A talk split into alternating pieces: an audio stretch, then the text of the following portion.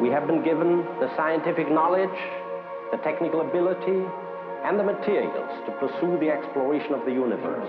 Vitenselskapet. Stedet der vitenskap møter underholdning. Ignition sequence. Six, five, four, three, two, one. It's one small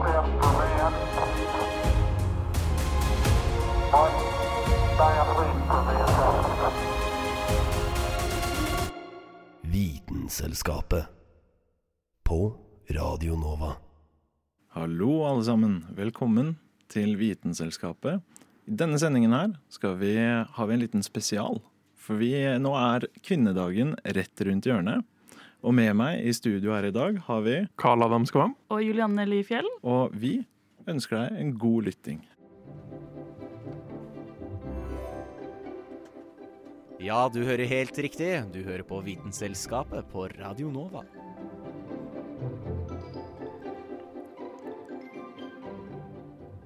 Visste dere at det kvinnelige kjønnskromosomet X heter dette fordi da det først ble observert, visste man ikke hva det var eller hva det gjorde, og derfor fikk det navnet X for ukjent. Nå skal vi høre om en ukjent kvinne som klarte å finne ut hva bestemte om et avkom ble jente eller gutt.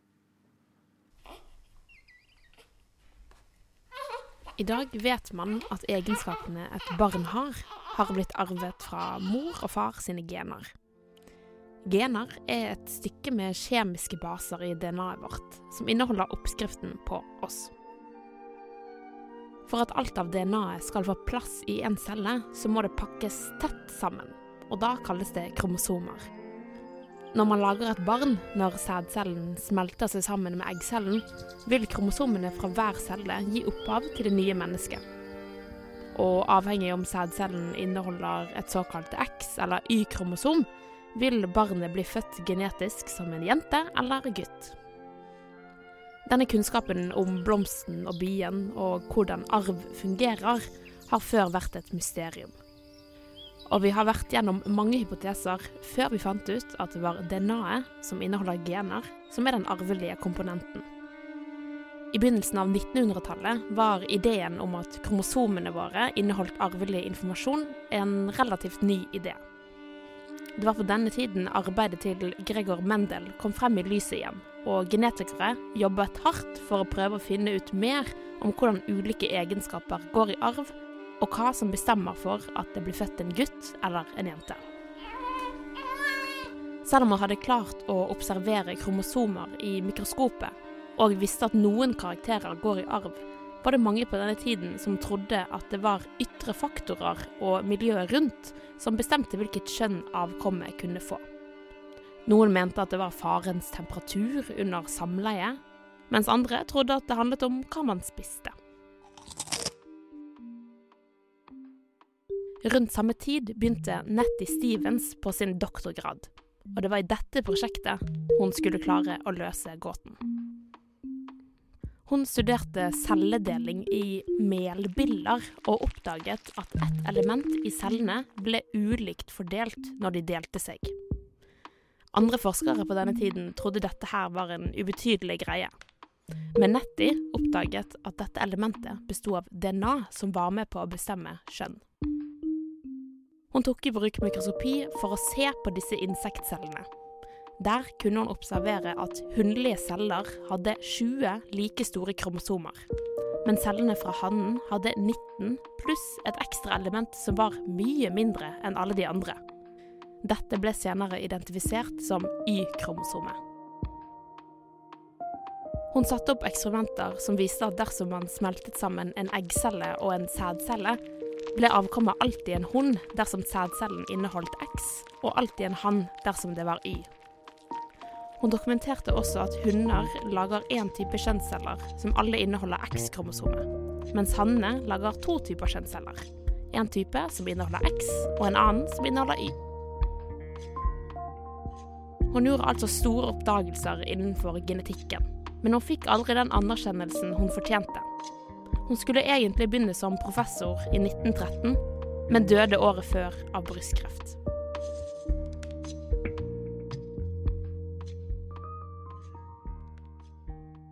I dag vet man at SRY-genet er avgjørende for mannlig utvikling, og det sitter på Y-kromosonet. De som er født med XX-kromosoner, arver altså ikke dette genet, og ingen mannlig utvikling blir skudd på. Denne saken ble laget av Anna Vik Rødseth.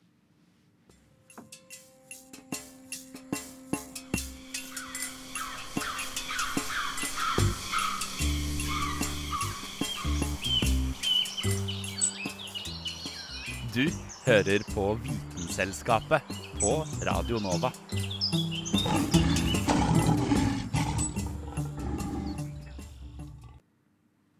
Nå skal vi prate litt mer om kvinnehelse. Og du, Julianne, skal innlede oss inn i dette her. Ja, som uh, token kvinne i dag, eh, vil jeg si. Og uh, en Jeg føler Man kan ikke si selverklært ekspert på kvinnehelse, fordi eh, det er veldig mange områder der som man eh, ikke vet så mye om. Men eh, heldigvis så vet man i hvert fall mer enn det man gjorde før. Eh, ja, Der var det jo veldig mye rart som foregikk, eh, og som man trodde, blant annet, når det kom til eh, kvinnehelse. Og en av de tingene som jeg nesten føler at vi burde bringe tilbake som begrep, eh, det er hysteri. Ja. Hysteri, det har jeg hørt mye gøy om hvordan man behandla før i tida, i hvert fall. Ja, Hva er det du har hørt for noe?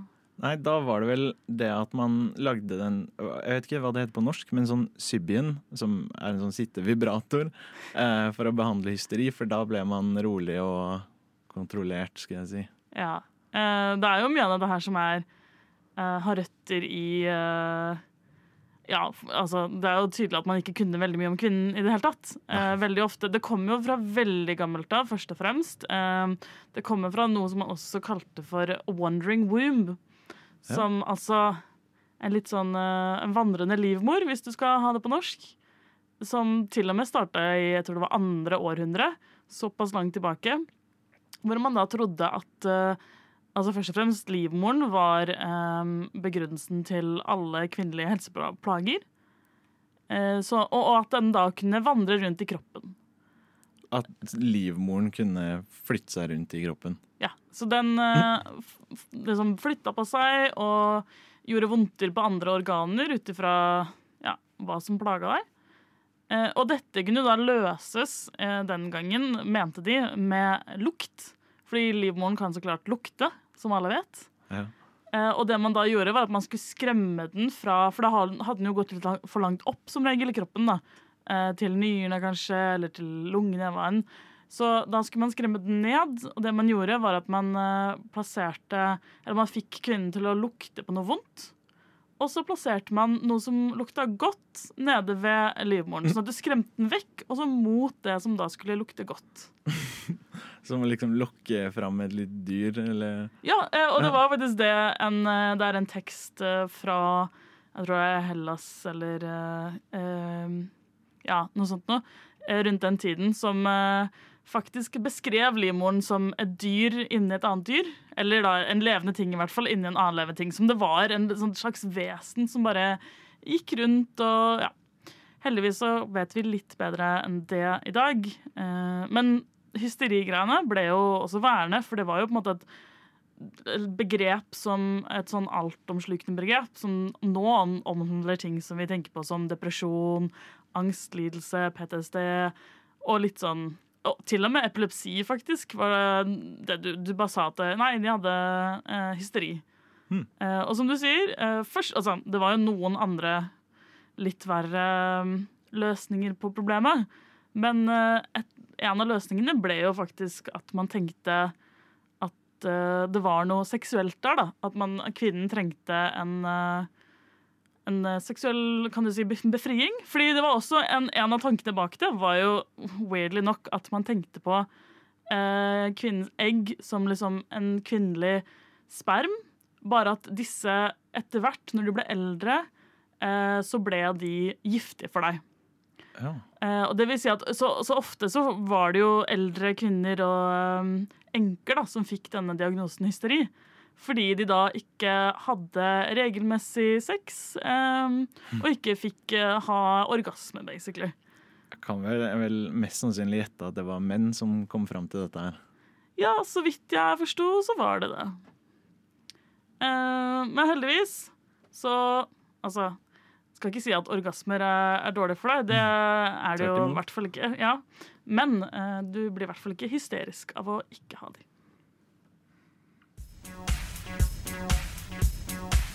Hæla i taket med Vitenselskapet.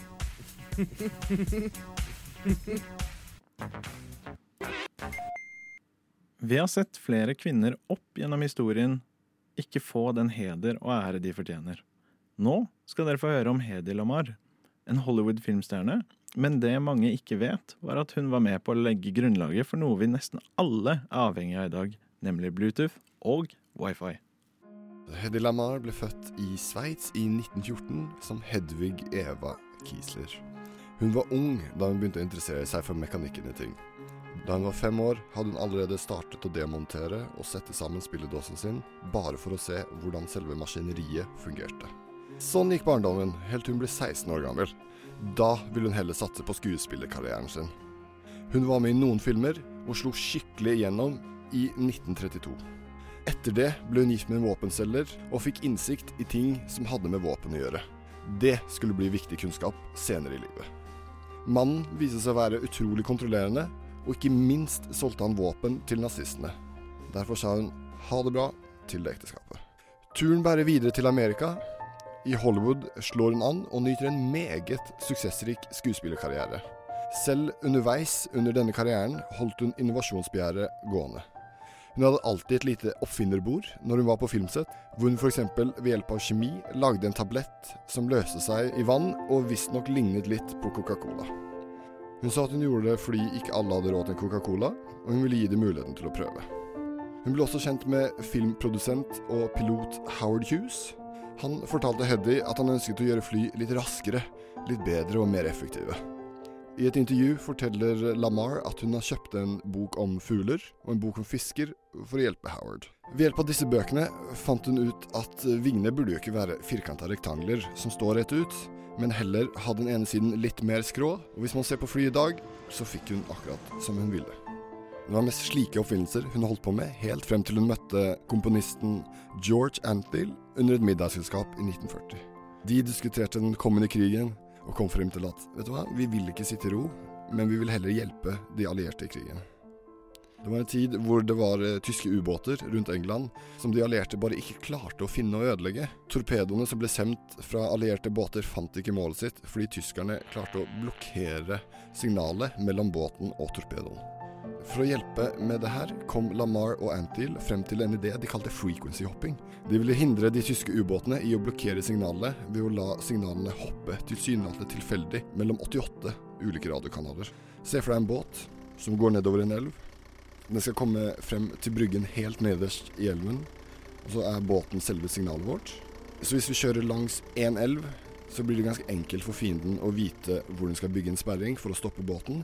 Hvis du derimot har 88 elver, og båten hopper litt mellom 1113, den er litt i 1124, den er litt i elv 86 osv., mens den går fremover, så er det mye vanskeligere for fienden å vite hvor den skal bygge sperringen for å kunne stoppe båten. Det var det her som var selve ideen om frequency hopping. Patentet ble tatt, men selve oppfinnelsen ble ikke tatt i bruk før på tidlig 1960-tallet, hvor de inkorporerte de det de kaller spread spectrum-teknologien. Det er en teknologi som brukes i nesten alle moderne trådløse enheter vi har i dag. Og det finnes både i Bluetooth og i wifi. Du bruker faktisk en versjon av denne teknologien når du f.eks. skal koble telefonen din til de nye og fine øreproppene du har kjøpt. Når du da parer de, så stiller du inn øreproppene og telefonen på samme hoppesekvens, slik at de blir synket opp. Selvfølgelig er det litt mer komplisert enn det her, men grunnlaget ligger der fortsatt. Trygg og uforstyrret kommunikasjon mellom to enheter ved hjelp av signaler. Lamar fikk ikke anerkjennelse for denne oppfinnelsen før i slutten av 1990-tallet, da hun nesten var 83 år gammel. Hun og George Antheil mottok det som heter Pioneer Award for deres arbeid med frequency hopping. Da sa hun som den sjefen hun er, It's about damn time. Vi er helt enige med Heddy. Vi vil også si at det finnes en dokumentar om hennes liv, absolutt verdt å sjekke ut, og denne saken ble laget av Jonathan Mannberg. Å vite, vet, Vitenselskapet.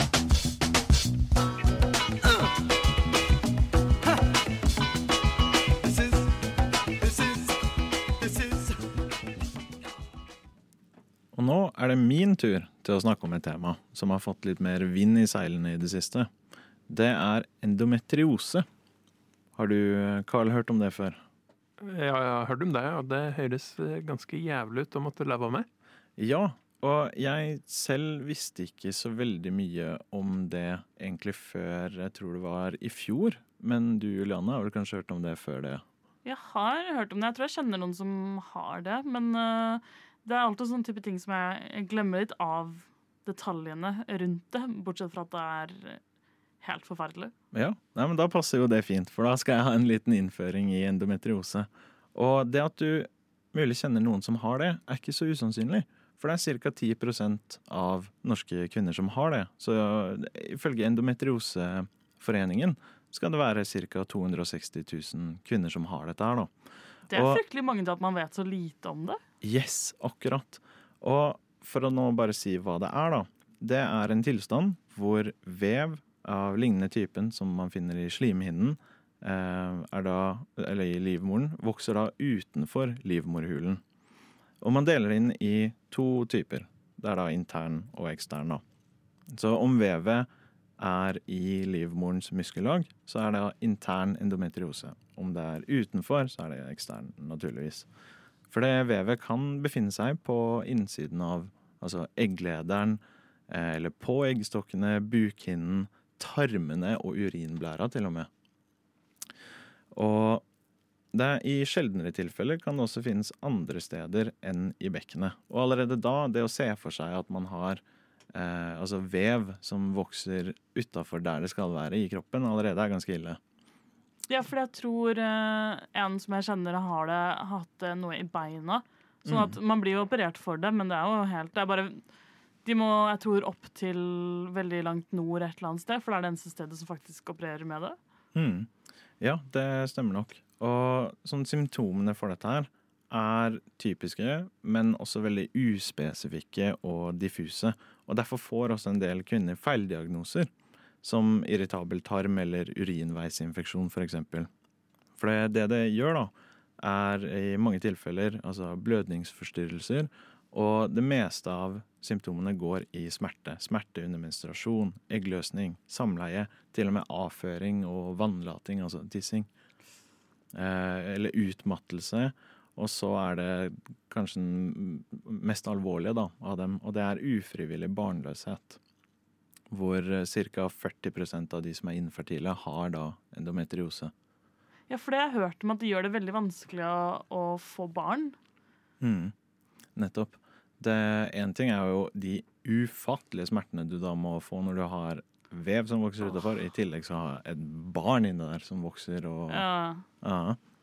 Eh, spesielt hvis også skal jeg si, veien for barnet ut også er blokkert av. Da er det betydelig uh, verre.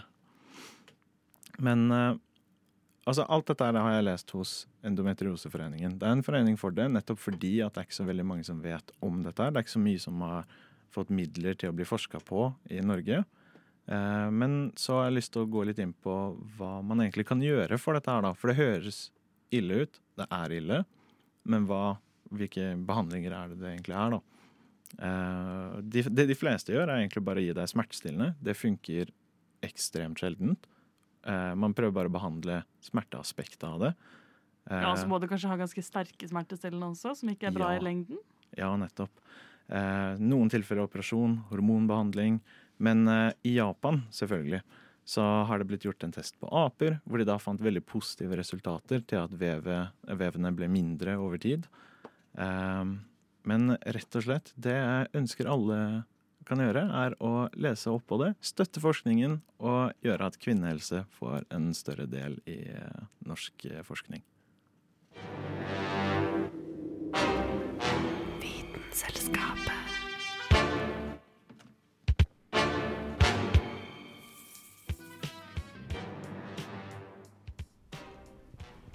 Det er én ting når vitenskapskvinner ikke får den anerkjennelsen de fortjener. Det er noe annet når en mann aktivt prøver å stjele æren. Det skjedde med kjemikeren Alice Ball, som holdt på å ikke få navnet sitt på metoden hun selv hadde laget. Året er 1892, og Alice Augusta Ball blir født i Washington av afroamerikanske foreldre. Interessant nok står det i fødselsattesten hennes at begge foreldrene hennes er hvite. Muligens et forsøk på å gjøre det lettere for henne i et samfunn som var prega av rasisme. Alice vokser opp i et relativt velstående middelklassehjem med en far som var redaktør, og en bestefar og en mor som begge var fotografer. Lille Alice vokser med andre ord opp med mange fotografer i slekta. Og kanskje er det den nesten magiske fremkallingsprosessen som vekker hennes interesse for kjemi. Hun gjør det i hvert fall veldig godt i realfagene på skolen. Og da hun er ferdig med high school, begynner hun på universitetet i Washington, hvor hun tar to bachelore i farmasøytisk kjemi og farmasøytisk vitenskap. Sammen med veilederen sin får hun publisert en artikkel i et vitenskapelig tidsskrift, noe som er veldig uvanlig for en kvinne på denne tida, for ikke å snakke om en svart kvinne. Nå åpner dørene seg for denne talentfulle unge kvinnen, og hun blir tilbudt flere stipender.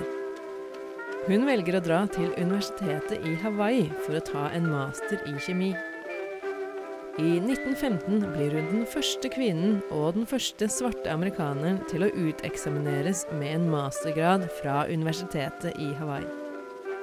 Alice hadde skrevet masteren sin om cava-plantearten, noe som gjorde at hun ble kontakta av dr. Harry Holman, som trengte noen til å hjelpe seg med å forske på spedalskhet.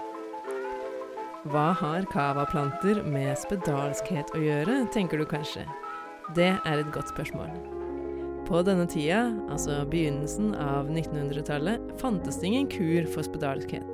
Ble du spedalsk, betød det at du ble sendt ut i isolasjon, gjerne på en eh, avsidesliggende øy, hvor du var dømt til å dø en langsomt, smertefull og grusom død. Det fantes altså ingen kur, men man hadde et middel som kunne lettende på symptomene, nemlig olje fra cholmugra-treet. Problemet var at det var veldig vanskelig å påføre oljen. Den var for klissete til å smøre på, for bitter til å svelges, og om man injiserte den, danna det seg bare bobler med olje under huden, litt som bobleplast. Det var her Alice Ball kom inn. Hun isolerte esterne i oljen og modifiserte dem, slik at den kunne bli absorbert i kroppen. Dette var ingen kur, men det forbedra og forlenga livet til veldig mange spedalske. Bra jobba av Alice Ball, eller hva? Nå skulle man tro at livet virkelig smilte til unge Alice. Dessverre var det det motsatte. Det er uklart hva som egentlig skjedde, men mest sannsynlig ble hun forgifta av klorgass i laboratoriet. Hun var 24 år da hun døde, og fikk derfor aldri publisert resultatene av forskningen sin. Studieveilederen hennes og dekan ved skolen, Arthur Dean, tok over arbeidet og lanserte metoden under navnet Deans metode, selvfølgelig. Alice Ball ble ikke nevnt i det hele tatt. Holman, spedalskdoktoren, prøvde å gi henne æren ved å insistere på at det ikke var Deans metode, men Balls metode. Det var imidlertid ikke før på 70-tallet at Alice Ball begynte å få anerkjennelse. Og i 2000, 84 år etter hennes død, ble hun hedra for sin innsats for de spedalske. I dag er metoden kjent som Alice Balls metode.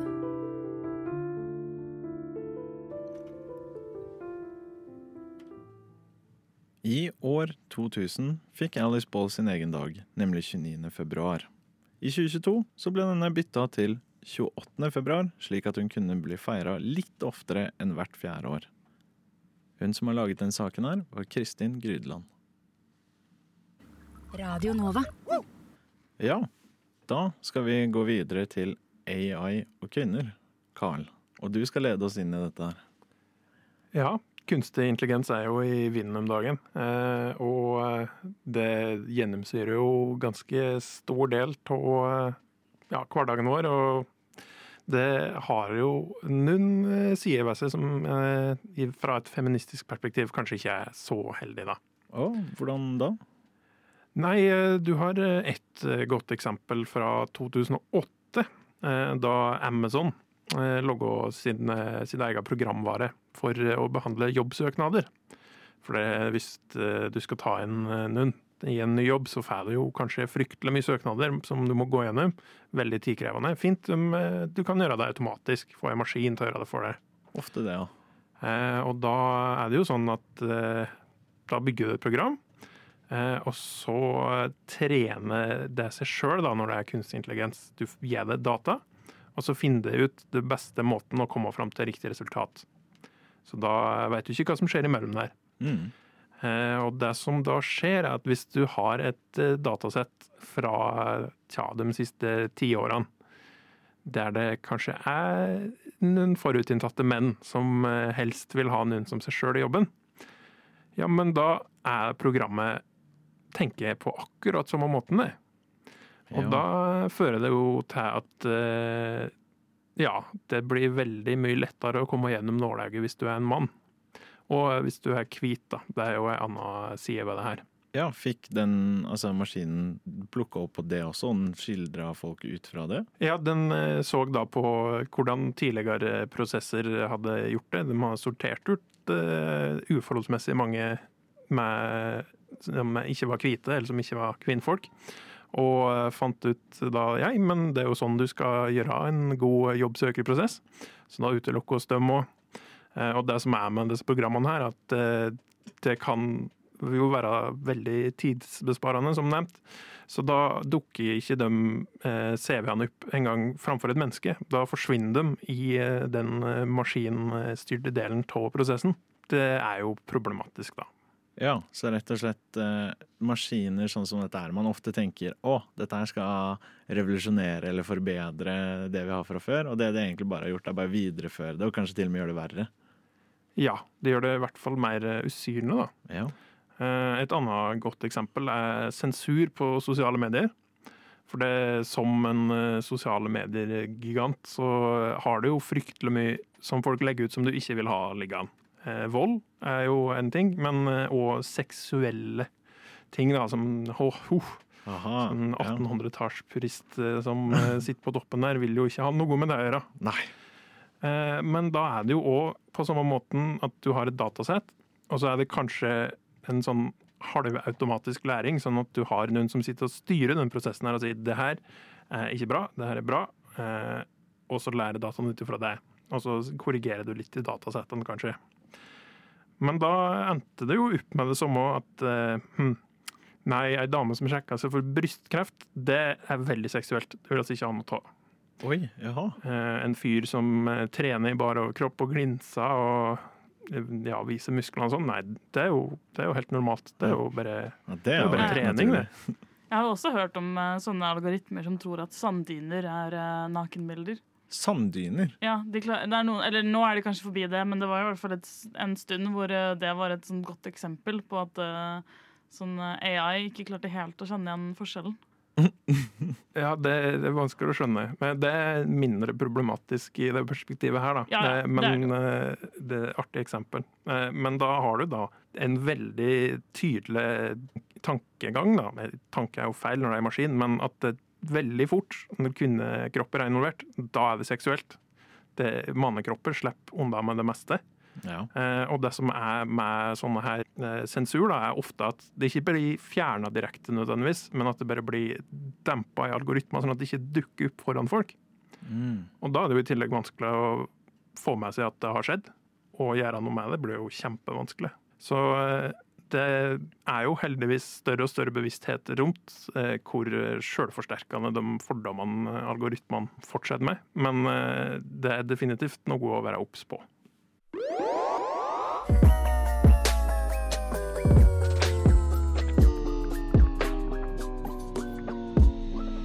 Vitenselskapet. Da vil jeg egentlig bare takke dere begge for at dere kom inn i studio i dag. Eh, Jeg hadde Carl Adam Skvam. Og Helene Lifjell. Med meg, og da ønsker vi alle sammen en god kvinnedag. Og du kan høre på oss, Vitenselskapet, på alle dine foretrukne podkastplattformer.